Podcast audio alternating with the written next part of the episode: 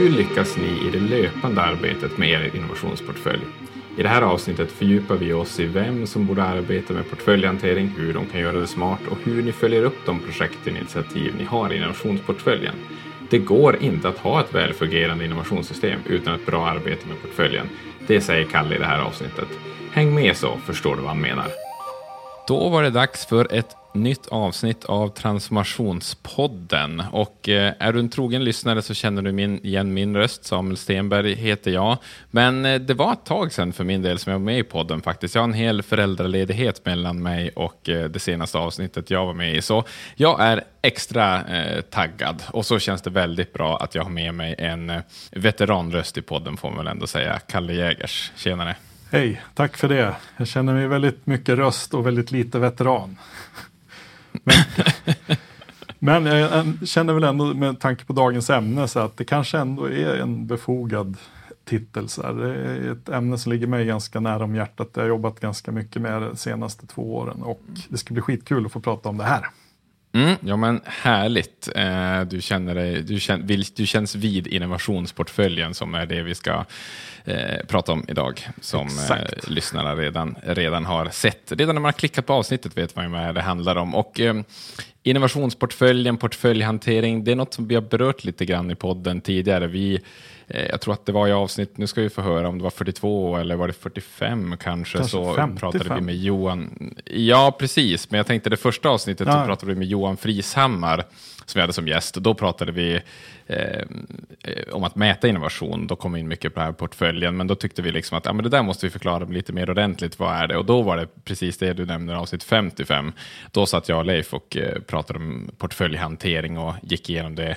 Lite, lite sådär eh, överflygande blick, lite mer grundligt så. Vad, vad är det och vad har man ut för vinster av portföljhantering? Kan man väl väldigt kort sammanfatta det vi pratade om där och sen lite i praktiken hur man gör och så där också. Men eh, det där blev ju ett väldigt populärt avsnitt och vi tyckte att ja, men det är ett ganska viktigt ämne, så vi kände att det är dags att, eh, vad ska man säga, ta en nivå till och belysa lite ytterligare aspekter av det och kanske fokusera mycket på de, de, praktiska bitarna lite grann. Hur ser det faktiskt ut när man arbetar med portföljhantering? Ja, vi, vi får se vart vi hamnar, eh, Kalle, när vi djupdyker i det här. Men eh, eh vi kan väl säga så mycket som så att eh, känner man att vänta nu portföljhantering, jag har inte någon aning om vad det handlar om och så, då tror jag nästan att det är läge att ta paus, hoppa till avsnitt 55 och ta det först och sen kan man eh, dyka vidare i det här avsnittet. Men lyssnade du på den när vi gav den här flygande blicken i innovationsportföljen och vinsterna med portföljhantering, då tror jag att du är redo för det som komma skall här nu närmsta timmen eller vad det då blir när vi babblar på här, Kalle.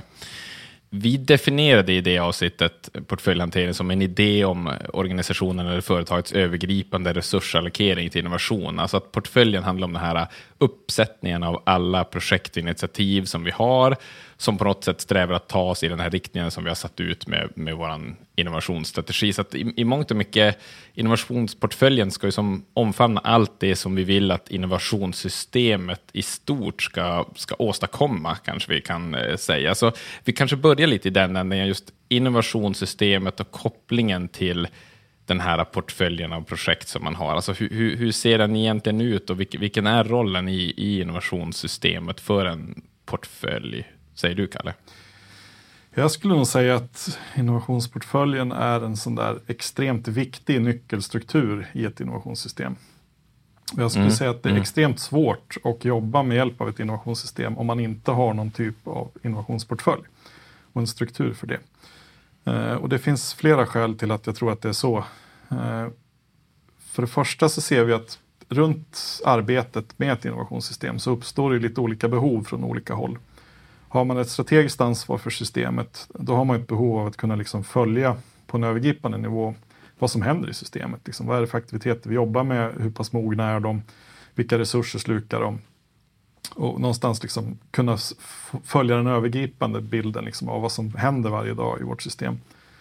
Eh, vad vi producerar mm. helt enkelt. Sen behöver man ju också ta ställning till, liksom, har vi rätt resurser för systemet? Eh, är, jobbar vi tillräckligt snabbt med hjälp av systemet? Behöver vi tillskjuta mer resurser för att jobba snabbare? Behöver vi prioritera om det som sker i systemet?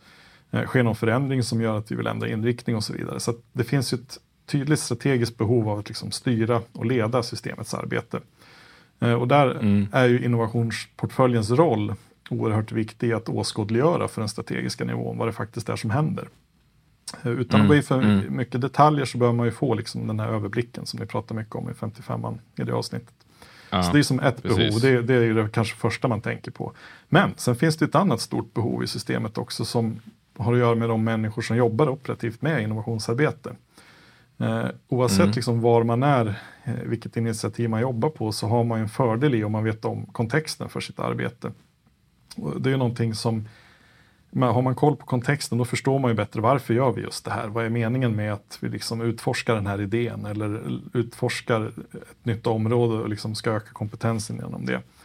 Så att man behöver ju ofta ha en känsla för liksom hur det arbete jag gör ingår i en helhet. På vilket sätt det jag gör bidrar till att den helheten blir bra. Eh, vad är det som sker parallellt med det här jag gör? Vad händer där? Är det någonting där som behöver liksom som jag behöver känna till eller något jag kommer att påverkas av och så vidare. Så att jobbar man operativt Mm. med innovation så har man också en oerhört nytta av att kunna titta i portföljstrukturen för att få den, den liksom känslan, den överblicken.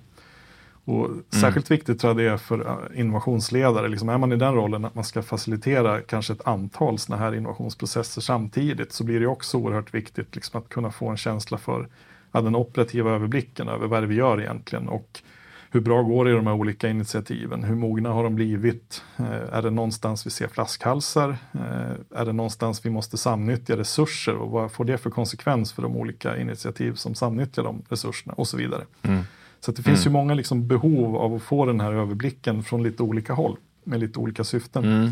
Och där skulle jag säga, Mm. där har kanske innovationsportföljen den absolut viktigaste här, konkreta uppgiften att fylla. Liksom. Den strukturen behövs för att man ska kunna hitta liksom en, en naturlig plats och, och skapa de här olika typerna av överblickar på som krävs helt enkelt. Ja, och jag tycker det är intressant där, du sa ju, du använde ordet åskådliggör, alltså att det är någonting som innovationsportföljen gör, att den åskådliggör liksom vad som pågår med projekten och initiativen i, i, riktning med, med, i den riktning som systemet har stakat ut. Oavsett om man då är ledning eller innovationsledare eller vilken roll man har så har man nytta av det. Men just att innovationsportföljen finns ju som egentligen där alla de här projekten, allting pågår ju förhoppningsvis även om du inte riktigt jobbar med portföljhantering, men då får du inte det här åskådliggörandet. Att det, är, det är ju mycket en... Eh, Innovationsportföljen, att faktiskt jobba med det handlar ju om att åskådliggöra, att du får grepp om det, att du kan faktiskt sitta där och titta på var, var ska vi lägga resurser, hur går det med den pucken, hur går det med den?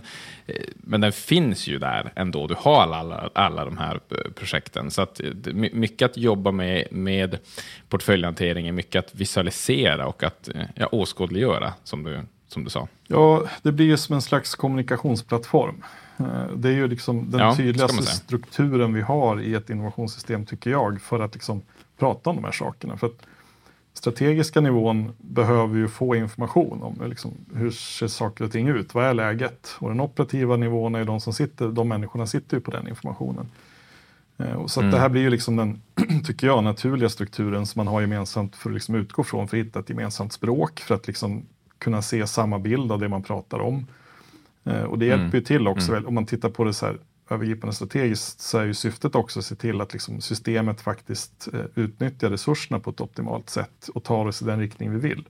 Har vi inte den här strukturen så är det väldigt lätt att liksom, eh, bilden av vilka initiativ som faktiskt pågår blir lite blurrig. Så här, risken är ju det som Leif pratade om i avsnitt 55, att man brer ut sig väldigt tunt. Eh, många initiativ eh, kanske tas då utan att andra vet om det. Eller liksom man hoppar på olika möjligheter och upptäcker att vi springer i liksom 20 riktningar samtidigt och nyttjar inte tiden på bästa sätt för att ta oss framåt dit vi vill. Och det är ju ganska lätt Mm. att hamna i det läget om vi inte har den här gemensamma ankarpunkten, liksom den här gemensamma plattformsstrukturen för att prata om de här sakerna. Eh, Och till det också, Mm. när, man, när man jobbar med den portföljen så den strukturen behöver ju också en typ av liksom mötessammanhang. Vi kommer ju att behöva ha ett Mm. antal liksom planerade, schemalagda strategiska möten där vi liksom tittar på portföljen med strategiska ögon. Och vi kommer i det sammanhanget behöva ha stöd av människor som har koll på vad som faktiskt händer i de här olika initiativen.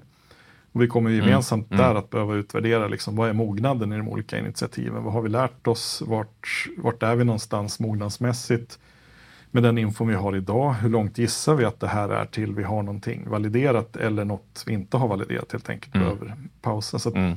Mm. tar, man bort den här, tar man bort den här strukturen då tror jag att då blir jobbet mycket svårare att hitta den synken. Då blir liksom arbetet med att Ja.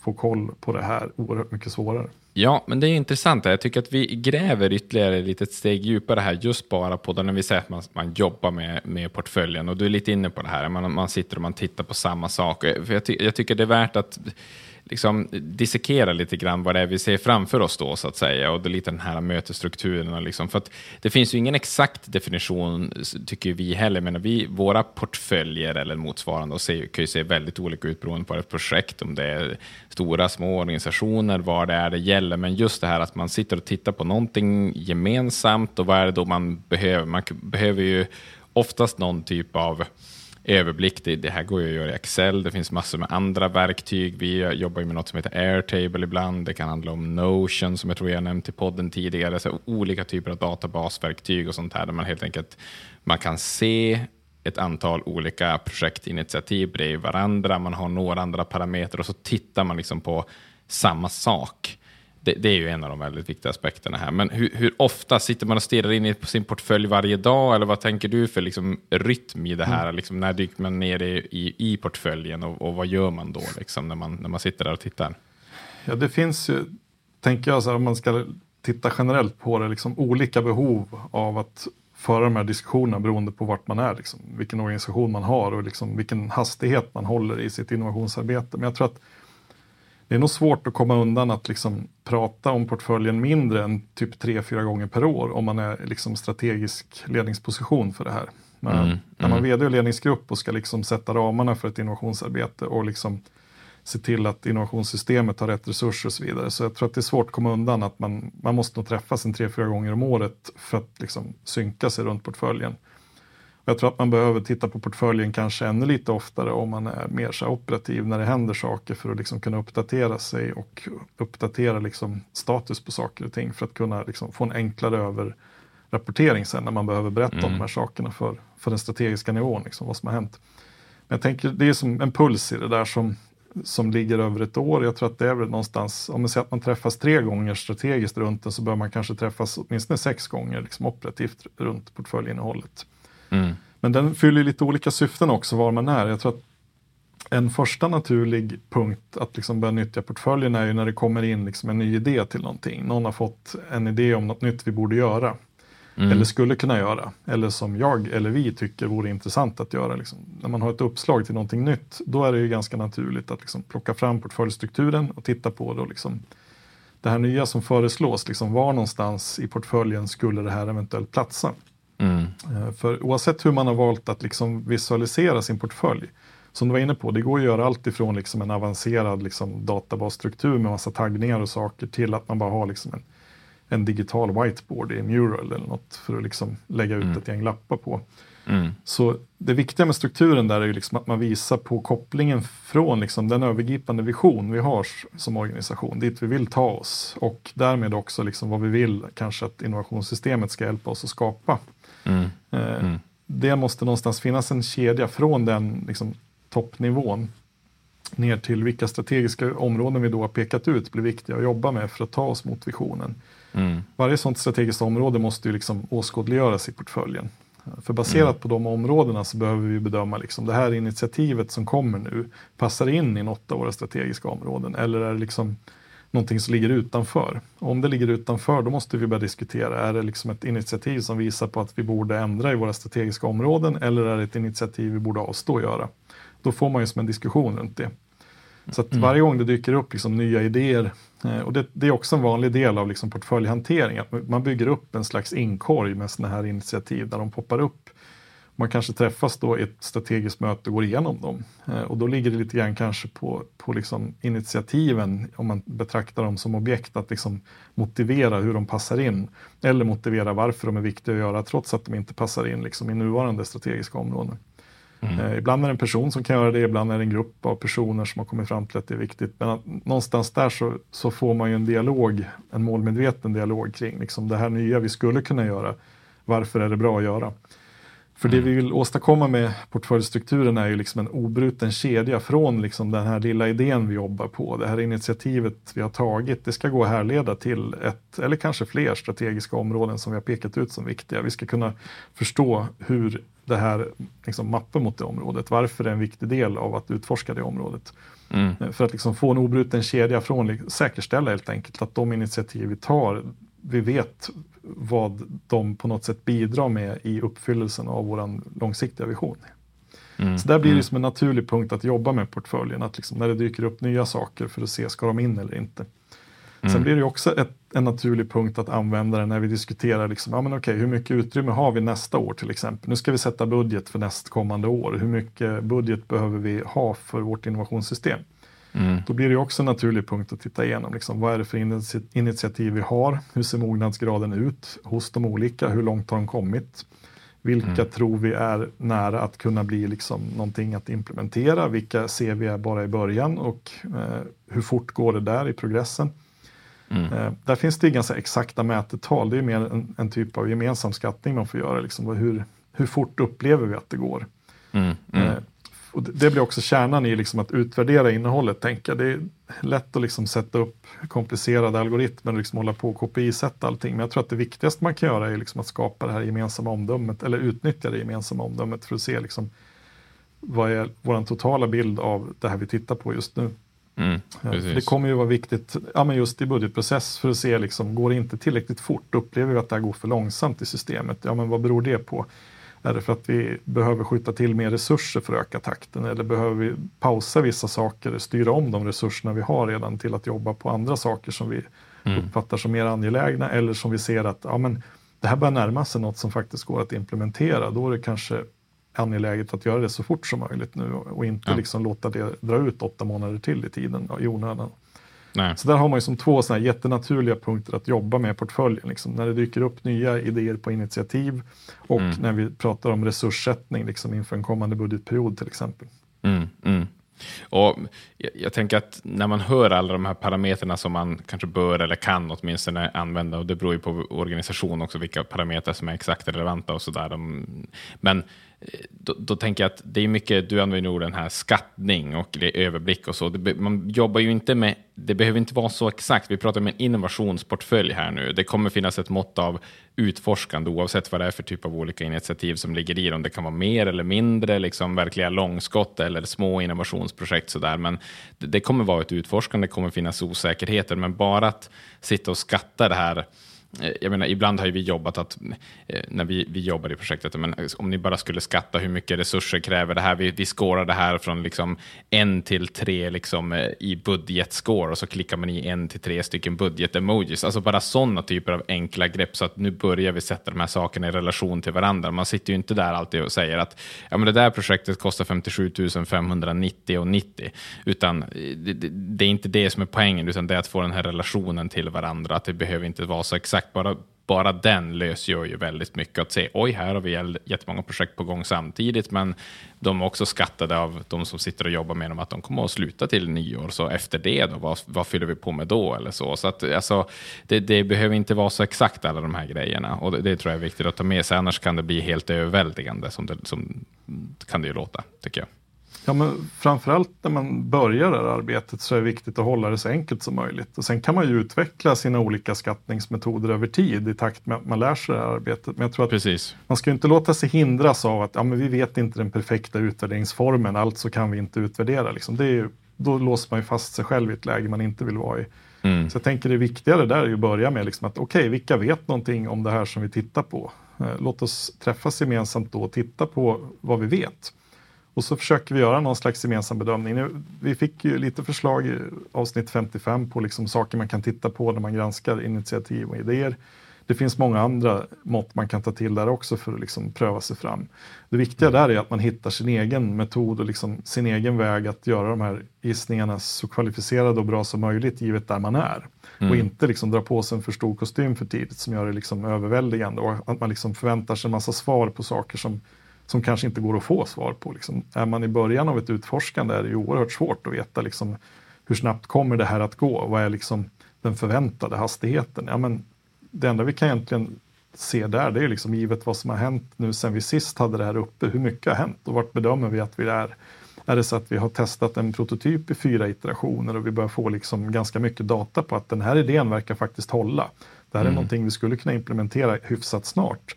Ja, då, i det läget då vet vi ju mer eh, om hur mycket vi har kvar än när vi börjar en sån process, när vi har liksom grundidén och tänker att det här skulle kunna vara något som löser ett problem för någon. Det här mm. skulle kunna vara någonting som faktiskt skulle kunna gå att implementera, men det vet vi inte förrän vi har gjort de här liksom, prototypiterationerna. Så att, Skattningen är ju alltid svårast att göra i början på innovationsinitiativ. Liksom att hur långt har vi kvar? Ja, det vet vi väldigt lite om när vi börjar och betydligt mer om senare liksom när vi har jobbat med det här ett tag. Mm, och det mm. gör ju också att det här blir ju lite konståkning på ett sätt. Vi har ju någon slags grund att utgå ifrån och det viktigare är det, som du var inne på, att vi, liksom, vi kan bedöma helheten relativt varandra. Är det så mm. att vi vi ser någonting som ger oss bra data som visar på att det här faktiskt eh, steg för steg blir bara bättre och bättre, ja men då, då kan ju det vara skäl nog att agera och skjuta till mer resurser där. Ser vi någonting annat som säger tvärtom, att nu har vi utforskat det här ett tag, vi får ingen mm. bra riktig känsla här. att det, Här verkar det vara ganska mycket som tyder på att den här lösningen kanske inte är rätt eller liksom det här problemet kanske inte är så angeläget eller den här typen av, av inriktning. Det är för mycket problem att lösa innan vi kan göra det här. Det är liksom Mm. Vi bör mer och mer förstå liksom komplexiteten i att faktiskt implementera en lösning. Och i vissa fall kan det vara också att vi upptäcker att det här finns det ingen, inget liksom samhällsbehov av. Det är inga människor just nu som är särskilt intresserade av att vi löser just det här, även om det går kanske rent tekniskt och det skulle vara en bra affär för oss och så vidare. Mm. Så där är ju liksom, det är ju rådet där när det gäller just liksom att göra skattningar och bedömningar i en portfölj, att liksom börja så enkelt som möjligt och försöka få med så mycket av människornas kunskap som möjligt i de mm. skattningarna över tid sen kan man utveckla mer liksom avancerade mått och mer metoder där man hittar mm. liksom, ja men den här grejen vi testade senaste utvärderingsmötet, det funkade bra, då kan vi köra det nästa gång också. Mm. Nu, har nu har någon hittat någon typ av så här skattningsmodell som man inte har provat. Ja, men då kan vi prova den och se, hjälper den oss någonting i det här läget vi är nu? Blir vi nog klokare om vi använder den här modellen? Och så vidare. Mm. Mm. Så jag tror man ska börja det enkla och inte ha liksom för bråttom in i att liksom försöka siffermäta saker man kommer ganska långt liksom på liksom människors omdöme och praktiska erfarenhet av att jobba runt det här. Jag tror också att ja. Det i sig tyder, eller det indikerar ju också att det här är inget man kan göra enbart liksom själv på en strategisk nivå eller Nej. själv på en operativ. Här måste det ske ett samspel. Vi måste träffas rätt människor som har liksom rätt insikt i det operativa behöver liksom vara med de som har det strategiska ansvaret när man för ja. de här diskussionerna.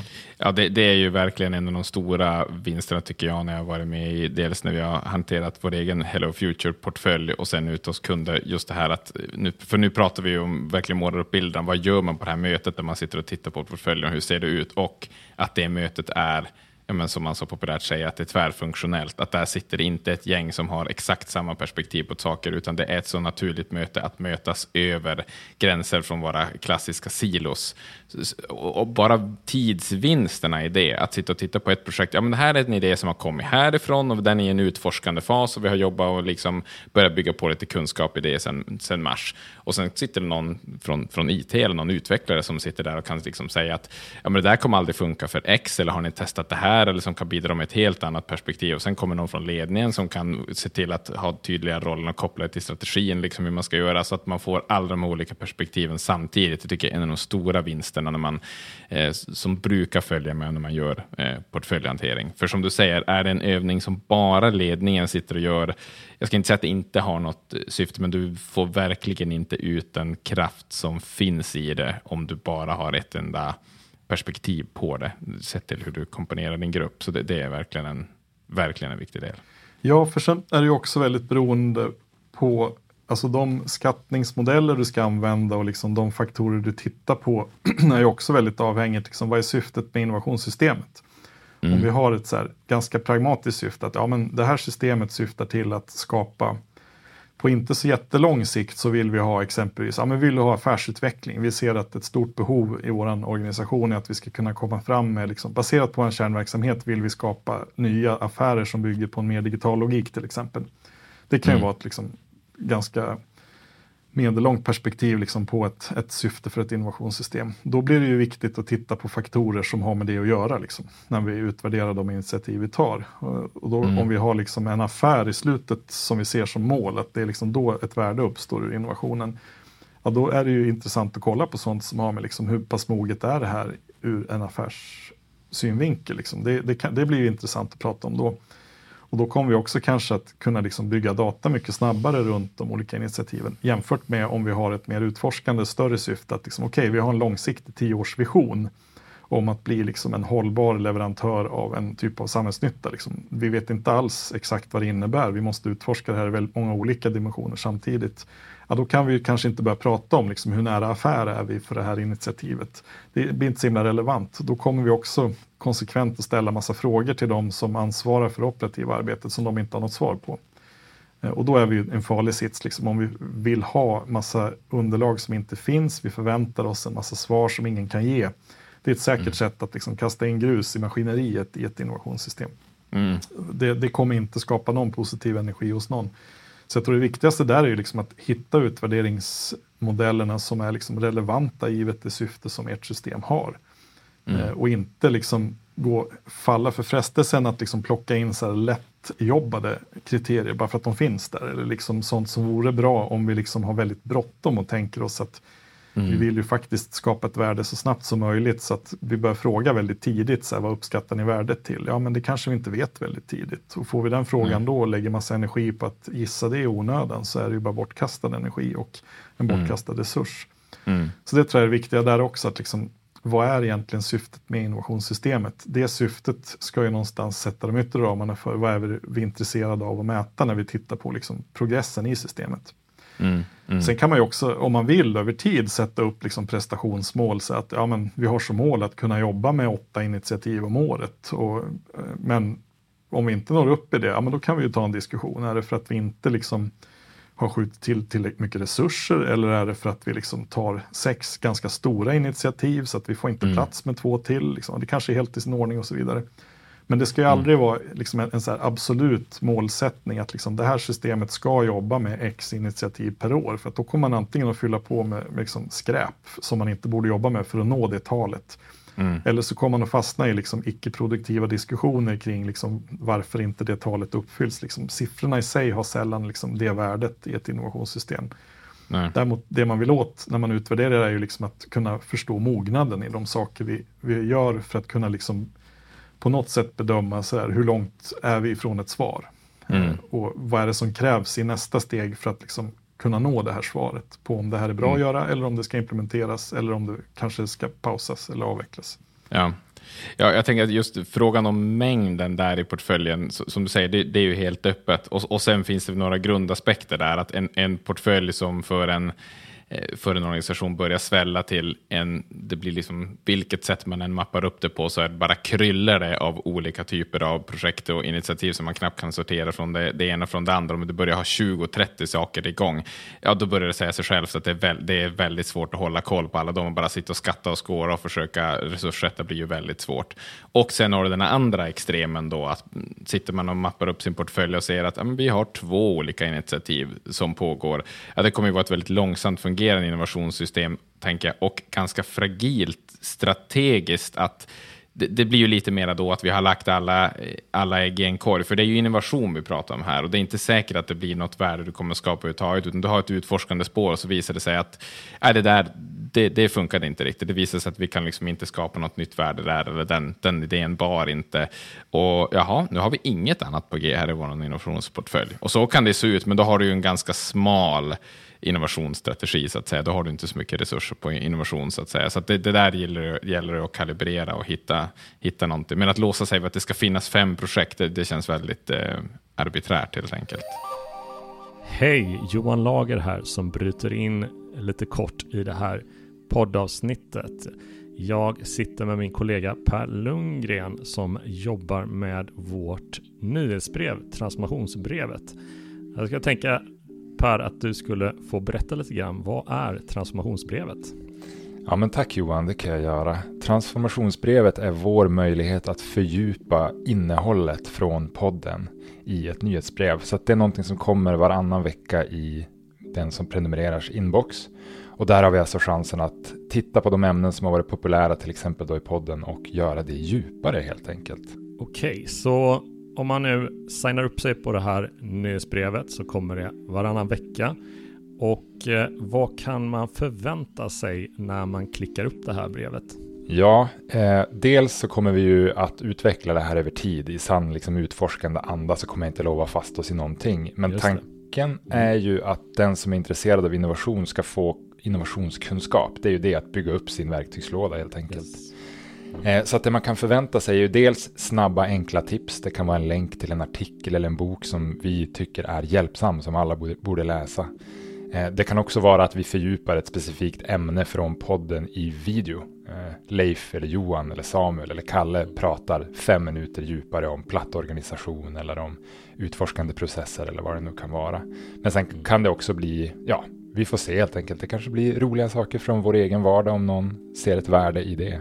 Ja, det låter ju som att alla som är regelbundna lyssnare på den här podden borde signa upp sig så fort som möjligt. Men eh, hur gör man då det på enkla sätt? Ja, enklast är att gå in på hellofuture.se. På vår landningssida där finns det ett formulär och där kan man fylla i sina uppgifter och då är man igång. Toppen Per. Så gå in nu på www.hellofuture.se och signa upp er på transformationsbrevet.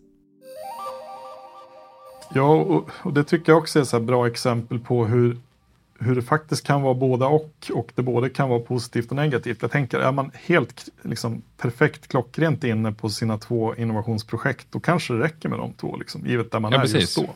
Mm. Det kan ju vara precis rätt, för då har man liksom, man kanske exempelvis har skalat ner ifrån att vi har gjort sex projekt, det är två av dem som vi har sett att här har vi liksom en närhet till ett värde. Här är vi faktiskt på någonting som vi har kunnat mm. validera. Det här vill vi så snabbt som möjligt jobba ut och implementera. Men då kanske vi pausar de andra och kvar i projekten har vi två aktiva. Liksom. Det, mm. det, är ju fullt möjligt. Liksom. Det, är ju, det är ju bra, givet att vi inte liksom, eh, ja, har chansat, som du säger, att det, är liksom, det här var de två vi förmådde. Mm. Så det kan ju vara något positivt. På samma sätt som är man en stor organisation så ja, det kan bli jätteyttrigt med väldigt, väldigt många olika saker som pågår Eh, och portföljen blir liksom väldigt stor och väldigt svår att överblicka. Det betyder inte nödvändigtvis att den är fel liksom, eller att det sker för mycket. Det viktiga där är ju liksom att upptäcka att om vi har saker som, ja men har vi en möjlighet att ha flexibilitet när det är så där stort? Är det så att vi liksom sitter fastlåsta i det förplanerade, att nu är det liksom 123 olika initiativ som rullar vi har inte riktigt musklerna att kunna liksom stoppa ett för att skjuta in de resurserna i ett annat om vi ser det behovet för att det, liksom, det blir för svårt och komplext att rodda. Ja, men då kanske mm. man behöver väga och förenkla lite i den, den strukturen och se liksom mm. hur stort ska det vara för att vara ett initiativ? Kan vi liksom, eh, är det sånt som är unikt alltihop nere på den här nivån där vi har över 100 eller är det så att flera av de här är egentligen samma sak som vi gör, fast vi gör det i lite olika tappning och lite olika kontext. Då kanske vi ska slå ihop mm. saker och ting, åtminstone rent sådär eh, på en övergripande nivå när vi försöker hantera dem. Mm. Det finns mm. ju en fara i det också, att liksom man buntar ihop saker för att göra det enkelt för sig, så visar det sig att det finns egentligen inte den här naturliga beröringspunkten och man har inte underlättat något för det operativa arbetet. Mm. Det tänker jag också är viktigt, att liksom, man får inte glömma bort så här, vad är syftet med att ha portföljen? Liksom, jo, det är ju att skapa tillräckligt mycket strategisk överblick för att kunna liksom, säkerställa att vi, okay, vi vet vad vi håller på med. Vi ser att vi har en riktning som går åt ett håll som vi vill ta oss. Det är mm. det som är det viktiga där. Det är ju inte liksom att portföljen i sig blir helt så här, den ser perfekt ut när vi tittar på den. Eller den är liksom, nej, nej. Den, känns lag, den är enkel att jobba med. Liksom. Den kan vara jättesvår att jobba med om den är stor, absolut. Men mm. den kanske måste vara det liksom, i den fas vi är just då. Mm, mm. Nej men precis, det är ju bara att backa till det vi, vi tryckte på mycket mer redan här i början. Att portföljen finns ju där oavsett om du har visualiserat den och du har de här mötena eller inte. Så att aktiv portföljhantering, då har man mappat upp det på de här sakerna som vi är inne och pratar om. Man har de här mötena, ställer de här frågorna, skattar eh, och justerar utifrån det, och som, vilket då sen leder till effekter ute, ute i, de, eh, i de faktiska projekten. Det är inte bara en lapp som flyttas, utan det händer också saker sen i det projektet utifrån de beslut man tar. Men, men gör man inte de här mötena, då kommer det ändå ha en massa projekt och initiativ som pågår. Men med sämre synk mellan och eh, liksom, de kan få ja, det kan bli alla möjliga effekter. De fortlöper alldeles för länge utan att egentligen någonting händer, för man ställer inte de här frågorna. så att säga. Men ska vi backa lite också, för nu, nu har vi vidrört det här mycket. Liksom, vad är syftet med innovationssystemet? Och du nämnde tidigare också att ja, i innovationsportföljen lägger man ju massor av olika projektinitiativ, men som på något sätt mappar mot de här fokusområdena. Men om vi bara tar steget tillbaka då och bara målar upp lite den här kontexten verkligen då för innovationsportföljen i i innovationssystemet? Alltså, vad är det som är den här inputen till det? Du nämner, du nämner de här strategiska fokusområdena och så vidare. Ska vi, ska vi gräva lite i det? Alltså, vad är det så, för det är ju liksom ramarna som säger vad som överhuvudtaget bör vara relevant att ha i sin portfölj och inte, kan man väl sammanfatta det som. Ja, jag tror att man kan göra ett litet så exempel för att förstå hur den blir till. Om vi utgår från att vi är en organisation som jobbar med utvecklingsarbete och har liksom haft en del initiativ som vi, vi liksom kallar innovation. Mm. Men vi, vi har ju sannolikt haft någon slags kontroll över det. Liksom vi har försökt följa upp det, styra det. Vi kanske har en projektmodell som vi följer med liksom lite mallar för hur man dokumenterar ett projekt och liksom vad som behöver finnas för att få ett godkänt av en ledningsgrupp och så vidare. Men jag tänker så här, bör man jobba med ett innovationssystem, liksom, om man försöker bygga upp en, en, ett system som följer ISO-standarden, så i det arbetet när man bygger upp det Eh, så kommer man ju att behöva göra en inventering. Liksom, att alla de saker vi jobbar på nu och kallar innovation, eh, platsar de i systemet? Eh, där någonstans har vi börjat bygga vår portfölj liksom, ur ett innovationssystemsperspektiv, tänker jag. För det man kommer upptäcka då är ju liksom att ja, men har vi inte en tydlig vision på plats eller har definierat ett tydligt syfte för innovationssystemet, ja, då blir det svårt att bedöma om de här sakerna är relevanta eller inte. Ja, då blir alla mm. väldigt relevanta eller väldigt icke-relevanta. Det vet vi som inte riktigt. Nej. Så där har man ju som första liksom, första vattendelaren egentligen i en sån process. Att liksom vi, vi kommer ju att behöva börja vår process när vi bygger upp ett innovationssystem med att definiera liksom, vad vill vi att systemet ska skapa åt oss? Vad är det vi ska uppnå? Liksom? Är syftet stort att det ska hjälpa oss på bred front att ta oss mot en vision? Eller är det avgränsat på något sätt? Eller det kanske är så att ja, men vi har en inriktning för det som har med hållbarhet att göra exempelvis. Vi tror att vi kommer att behöva leverera väldigt mycket mer hållbara tjänster i framtiden. Det är liksom det vi vill att systemet ska hjälpa oss med, att liksom skapa hållbara eh, lösningar för de olika saker vi ser att vi behöver göra. Mm. Någonstans där har vi, menar, har vi det på plats, då går det också ganska enkelt att sätta upp en portföljstruktur som visar på liksom, vad, är det, vad är gränserna för portföljen? Vad ska hamna där? För rent konkret det man gör är liksom, med visionsbild och strategiska områden utpekade, då sätter vi oss och börjar mappa in liksom, alla de initiativ vi har pågående, platsar de i portföljen? De som inte gör det, ja, men då kanske vi har kandidater som vi borde stoppa liksom, i det här läget. Kanske är bra mm. utvecklingsprojekt, kanske är bra innovationsprojekt, men liksom, i sig är de bra, men de bidrar inte riktigt just nu strategiskt till att vi uppnår vårt mål. Mm. Mm. Och utifrån det så går det också att avgöra om vi tycker att så, ja, men vi är för tunna, vi, vi har mer resurser att satsa, vi har utrymme för att jobba mer med innovation, ja, men då föranleder ju det också att vi drar igång ett idéutvecklingsarbete. Liksom. Vi måste mm. generera idéer på vilka initiativ är det vi skulle kunna ta som vi inte tar idag. Mm. Och det är också ett arbete som kan ske på väldigt många olika sätt. Jag tror att eh, inte nödvändigtvis att strategiska nivån alltid behöver vara inblandad. Jag tror att det är en fördel om man mixar folk i olika lägen när man gör den typen av idéutveckling. Liksom, mm. Där man ser att liksom, ja, men, utrymmet finns där, vad vill vi göra med det? Mm. Eh, så det finns många olika sätt att fylla det på. Liksom. Men, men, generellt det man gör är att arbeta med idéutvecklingsmetoder, att liksom idégenerera. Eh, det kan vara så att vi ser att vi, är ganska, vi har ganska bra fart i ett av våra fokusområden, lite mindre fart i ett annat och nästan ingenting i ett tredje. Mm. Då kan vi bestämma oss för att så, ja, men vi idéutvecklar lite grann runt tvåan och trean då, liksom, där det in, finns någon slags plats. Eh, de idéerna kan vi sen bedöma och se vilka känns intressantast i det här läget och det kanske slutar i att vi satsar all den resurs som finns kvar i område tre. Liksom, för att ja, men okej, det finns ändå lite i tvåan och ingen av de idéerna vi har där är liksom bättre tror vi nu än det som vi skulle vilja göra i trean till exempel. Så där, där, finns det liksom ett sätt att ja, men, ta utgångspunkten i liksom vad vi har, vad vi ser att vi har utrymme att göra, eh, vad är det vi har som ska bort och någonstans liksom, hur uppnår vi liksom maximal nytta med den resurs vi har att tillgå. Mm, mm. Jo, för, för det, och nu har vi nämnt det flera gånger, men om man bara tar det väldigt konkret, så just de här sakerna som finns i portföljen, när, när vi pratar innovation, de kan ju vara väldigt olika art. Alltså en, eh, det finns ju väldigt många olika typer av portföljer. Om vi säger att du är en eh, liksom, bokutgivare, då vill du ha en massa olika typer av böcker och författare i din portfölj, men de kommer inte av så olika art, sett till att där har vi en bok som vi släpper och sen släpper vi en bok där och släpper vi en bok där och det är väldigt tydliga KPI, att du vill att de ska sälja och så vidare och du har måttat dem mot olika måttstockar. Men en innovationsportfölj är ju så utforskande, så vi kan ju ha ett, om du säger då, ja men vi har identifierat att eh, självkörande bilar är väldigt viktigt för oss i framtiden, eh, exempelvis autonoma fordon, och vi har ingen kunskap, ingenting på gång på det. Då kommer du inte sätta, smälla upp liksom och börja jobba med fram någon digital prototyp, eller det kanske blir mer ett omvärldsbevakningsinitiativ som kommer löpa över lång tid, men ändå att du mappar in det i portföljen och så sätter du ändå någon typ av mätpunkt eller sådär som då kommer troligtvis vara något lärande eller att vi stämmer av vad är det vi hämtar hem för insikter. Så att även det kan ju vara någonting som ligger i en innovationsportfölj för att det ska verka på väldigt lång sikt. Men bara det att man ser det och sätter det i kontrast till att okay, vi kanske kan ha någonting som ligger lite närmare våran core så att säga. Så att det, det kan ju vara på väldigt olika nivå de här sakerna vi pratar om som ligger i portföljen. Exakt, och de ska ju samsas om resursen på något sätt. Och det är där mm. jag tror också att en väldigt stor nytta med innovationsportföljen finns. Att vi kan på ett ganska tydligt sätt liksom få en helhet där. Att både sånt som handlar om att ja, men här vet vi väldigt lite, vi måste börja med en typ av kompetensutveckling kanske, vi måste se till att något händer i det spåret.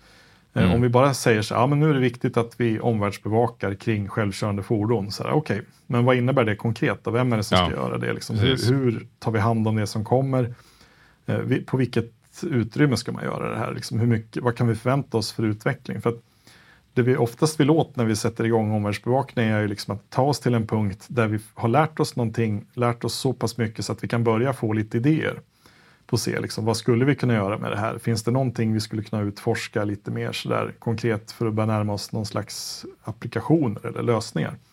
Och det är ofta det som blir också, om man ser en process för ett nytt område, så här, det börjar ofta med att man har en lärprocess för att förstå vad det här är för någonting. Och då börjar man få lite idéer och uppslag till vad det vi skulle kunna göra med den här tekniken eller med den här organisationsformen eller vad det nu kan vara som man vill veta mer om.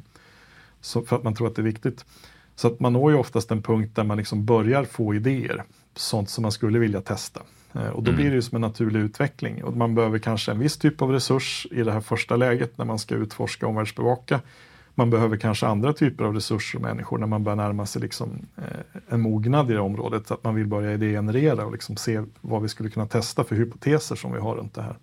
Mm. Och det, det gör ju också att vi kommer ju att ha saker av olika karaktär i portföljen. Givet portföljens syfte, liksom, att har vi ett väldigt avgränsat syfte som är det, vi vill skapa digitala tjänster med vårt innovationssystem. Ja, då kommer vi kanske ha lite olika tjänsteområden och i slutändan kommer arbetet kanske vara ganska likt, att vi, liksom, vi gör olika typer av prototyptjänster och utforskar olika varianter på hur vi kan nyttja olika digitala lösningar och digitala logiker. Liksom. Men de kommer vara på en hyfsat samma karaktärsnivå. Liksom. Mm. Jag tror att så fort man, man har lite bredare syfte än liksom någonting sådär som ligger kanske i närtid och är väldigt konkret, så fort man börjar öppna upp liksom för ett mer långsiktigt perspektiv och har lite större bredd kanske i sina strategiska fokusområden, då når man ju den punkten att man kommer ha en blandning i portföljen. Mm. Och sånt som är liksom moget att vi börjar labba med det och prototypa saker, sånt som vi precis har börjat med och måste lära oss mer om och vi vet inte riktigt vad det är vi behöver lära oss. Och sånt där vi har liksom gått från ett lärande till att börja ha konkreta idéer som vi vill testa, hypoteser på hur vi skulle kunna använda det här som vi nyss har lärt oss väldigt mycket om. Mm. Eh, och där kommer det också in en viktig aspekt när man gör det utforskandet. Att portföljen hjälper ju också till, inte bara internt i liksom vår organisation för att förstå vad vi gör liksom när vi jobbar med vårt innovationssystem. Man kommer ju också att behöva jobba med partners i väldigt många områden. Eh, mm. Man sitter inte på all kompetens som behövs för att utforska ett strategiskt område. Och I många fall så upptäcker man att det finns andra som kan mycket om det här som vi behöver lära oss av och jobba med. Där kan ju också portföljen hjälpa till väldigt mycket för att liksom i ett partnerskap visualisera vad är det vi gör gemensamt och vad är liksom aktiviteterna vi gör gemensamt och vad är det vi gör runt omkring det. Vad är kontexten för vårt partnerskap? Precis. Eh, man kan vara väldigt icke-transparent där och inte vilja visa hela kontexten, vilket jag tror kan vara i det långa loppet inte jättebra kanske. Då har man fel partner som man inte törs, törs vara så. Mm. Men samtidigt mm. kan vara det som är, är logiskt också i vissa lägen. Men framförallt det är ju liksom en möjlighet också att ihop med partners skapa en förståelse för liksom hur ser helheten ut. Vi kanske upptäcker i partnerskapet att det här börjar i att vi anlitar varandra i något sammanhang liksom, där den ena är en teknisk partner, den andra står för en affärsgrej. Liksom. Det kanske mm. leder till någonting annat för att vi ser en helhet. Liksom, att ja, men vi upptäcker oväntade synergier i partnerskapet för att vi vet att portföljen är bredare än just bara det vi tittar på nu.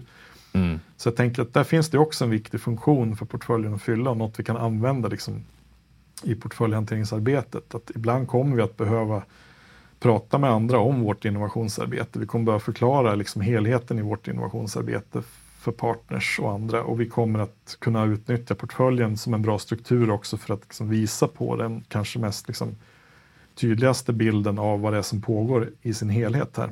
Ja, ja verkligen. Alltså eh, det, den är så essentiell ur det här kommunikativa perspektivet som jag tror var, var bland det första vi berörde här i diskussionen nu och, och, det blir ju inte desto mindre viktigt när man ska kommunicera över organisationsgränser.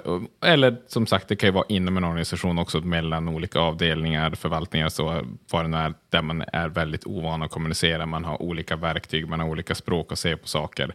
Så då, då kan det ju verkligen bli det här den här grafiska, den här liksom visualiseringen på något sätt som är, som är gemensam, där alla tittar på, på samma sak och som, och som också släpper den här bördan. Jag menar, vi är ju inne i jättemånga innovationsprojekt som eh, rör sig vid det här eh, som du pratade om tidigare, det här strategiska. Alltså man börjar bestämma sig för, vänta nu, vilken är vår riktning? Och så sätter man sina fokusområden och så finns det en massa idéer. Och sen så uppstår ofta en frustration då när det sen, okej, okay, men vad hände med alla de här? Vi satt ju och hade den där workshopen för ett halvår sedan och så var det så mycket idéer, och vart tog allting vägen och så där. Och bara då internt igen i organisationen att men, de ligger faktiskt där, även om de ligger i en backlog i innovationsportföljen så kan jag gå in där som en innovationsledare och titta på att just det, det finns där, det kommer hanteras, det har ställts i relation till de andra sakerna, just nu prioriterar vi här, men vi kommer till det att det liksom det blir den här naturliga platsen eh, och de mötena där man liksom konstaterar att vi har alla de här idéerna, men vi har valt att gå vidare med de här och sen så kommer det leda till det här. Och det, det, är, en,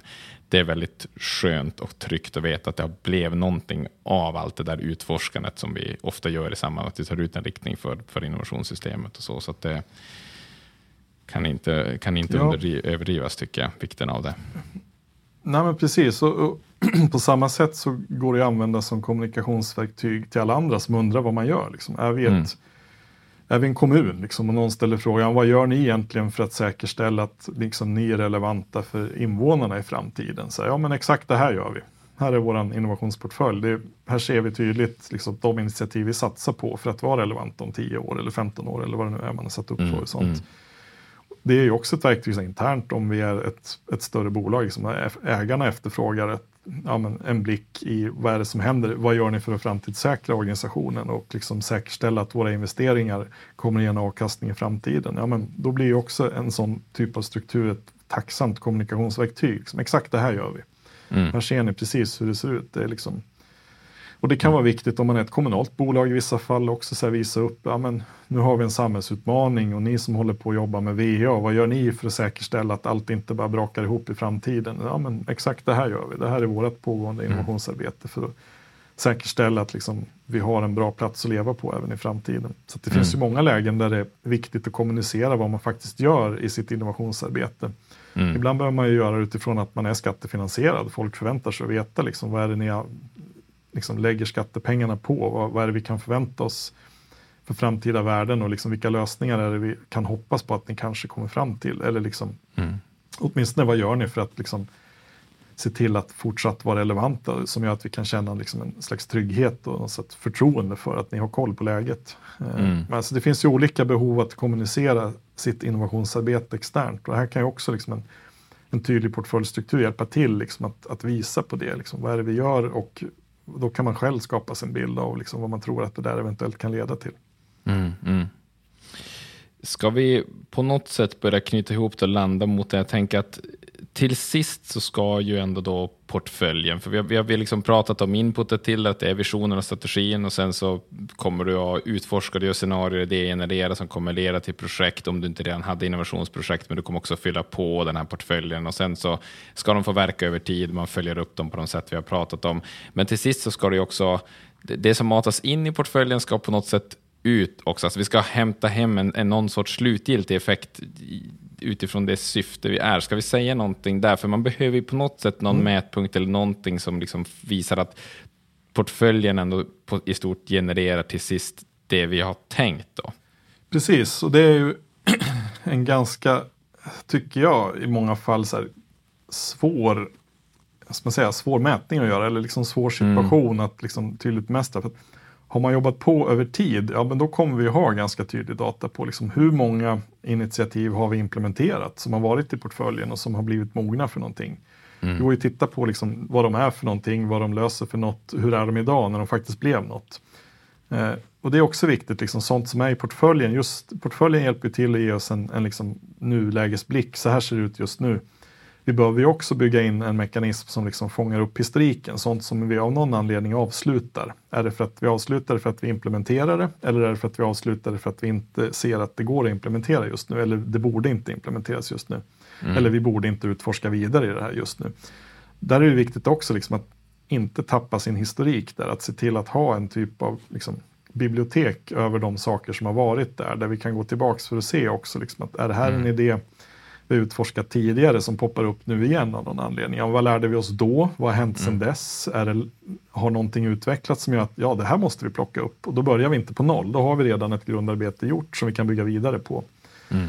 Och i vissa fall så här, ja men okej, det, bra, det, vi förstår varför det här kommer upp, men vi tror inte riktigt på att det är läge än att plocka upp det och vi har liksom data för något år tillbaks där vi ser att det här pausade vi för två år sedan och det har inte hänt någonting nytt egentligen som gör att det är anledning att öppna upp där igen. Mm, så att liksom, historiken i portföljen är viktig att bygga utifrån det. Liksom. Mm, mm. Och sen över, så över tid kommer vi ha en ganska bra, om vi liksom ser till att bara övergripande dokumentera de saker som blir någonting och inte liksom slänga bort det som inte blir någonting. Då kommer vi ha en ganska bra liksom historik över vad har vi jobbat på i olika lägen. Eh, vad finns där? Vilka kunskaper har vi gjort om olika saker? Kan vi plocka upp det vid ett senare tillfälle? Ja, förmodligen. Så det finns ju liksom ett, ett, lärande i att hålla den historiken och över tid kommer vi också det visa på liksom, vad har det gett i termer av värde. Om det har trillat ut liksom, tre nya affärer ur portföljen som vi har implementerat som tre nya tjänster till exempel då går det ju att titta på också, ja, men okej, hur har de tjänsterna utvecklats nu? Det kanske har funnits i fem år, de här tre sakerna. Vi kan se liksom, vilken intäkt har vi haft på dem? Hur ser marginalen ut? Vi kan bedöma dem ekonomiskt och se liksom, vilket värde det har skapat. Eh, det kanske är andra värden vi skapar där som vi liksom börjar mäta när de finns där ute i världen som visar på liksom, ja, men systemet som helhet. Om vi slår ihop alla de här sakerna vi har implementerat och uppskattar värdet för var och en av dem, ja, men då kan vi få en liksom, mellan tummen och pekfingret bild över liksom, hur mycket har vi fått som liksom, eh, avkastning på vår innovationsinvestering. Mm. Det är någonting mm. som eh, i början, speciellt när man sätter upp där och börjar jobba med det, så är det ju ja, som ni pratade om i avsnitt 55, kan vara bra att städa bort lite sån här lågt hängande frukt i början för att också börja kunna få liksom, ett mått på värdet. Att mm. liksom, tidigt, det kanske är ett lågt värde i början, men det finns ändå där. Och vi kan se hur det stadigt växer med att vi liksom lanserar två, tre, kanske fyra sådana här implementationer som, som gick att göra. Mm. Och då lär vi oss också om vad, vad är det vi vill veta om värdet. Är det det ekonomiska värdet? Är det liksom samhällspåverkan vi vill veta? Är det ett hållbarhetsvärde som vi har som mål att få upp? Liksom, hur mycket har det bidragit då? Mm. Så vi kommer ju också ha lite olika mått på vad som är värdet av våra innovationer. Det är inte alltid pengarna som är det viktigaste eller liksom ekonomin, utan det kan lika gärna vara liksom samhällsnyttan eller hållbarheten eller någonting annat där. Det mm. beror ju på vad som har varit syftet med att ha ett innovationssystem, vad vi vill att det ska åstadkomma. Mm. Så att värde, på samma sätt som jag tycker att man borde börja enkelt när man liksom använder kriterier för att bedöma saker i systemet och i portföljen så tror jag också att det är bra att börja enkelt när man liksom bedömer värde och liksom successivt jobba fram en mer detaljerad bild över hur det här värdet ser ut. Mm. Mm. Det är oerhört mycket lättare att liksom beräkna värdet av saker som finns, som är implementerade, än att liksom försöka uppskatta värdet i början. Så att jag tror mm. att i många fall så kommer man att utveckla över tid också mer liksom sofistikerade värdemätningar på vad vi faktiskt gör för impact med hjälp av systemet. Ja, ja.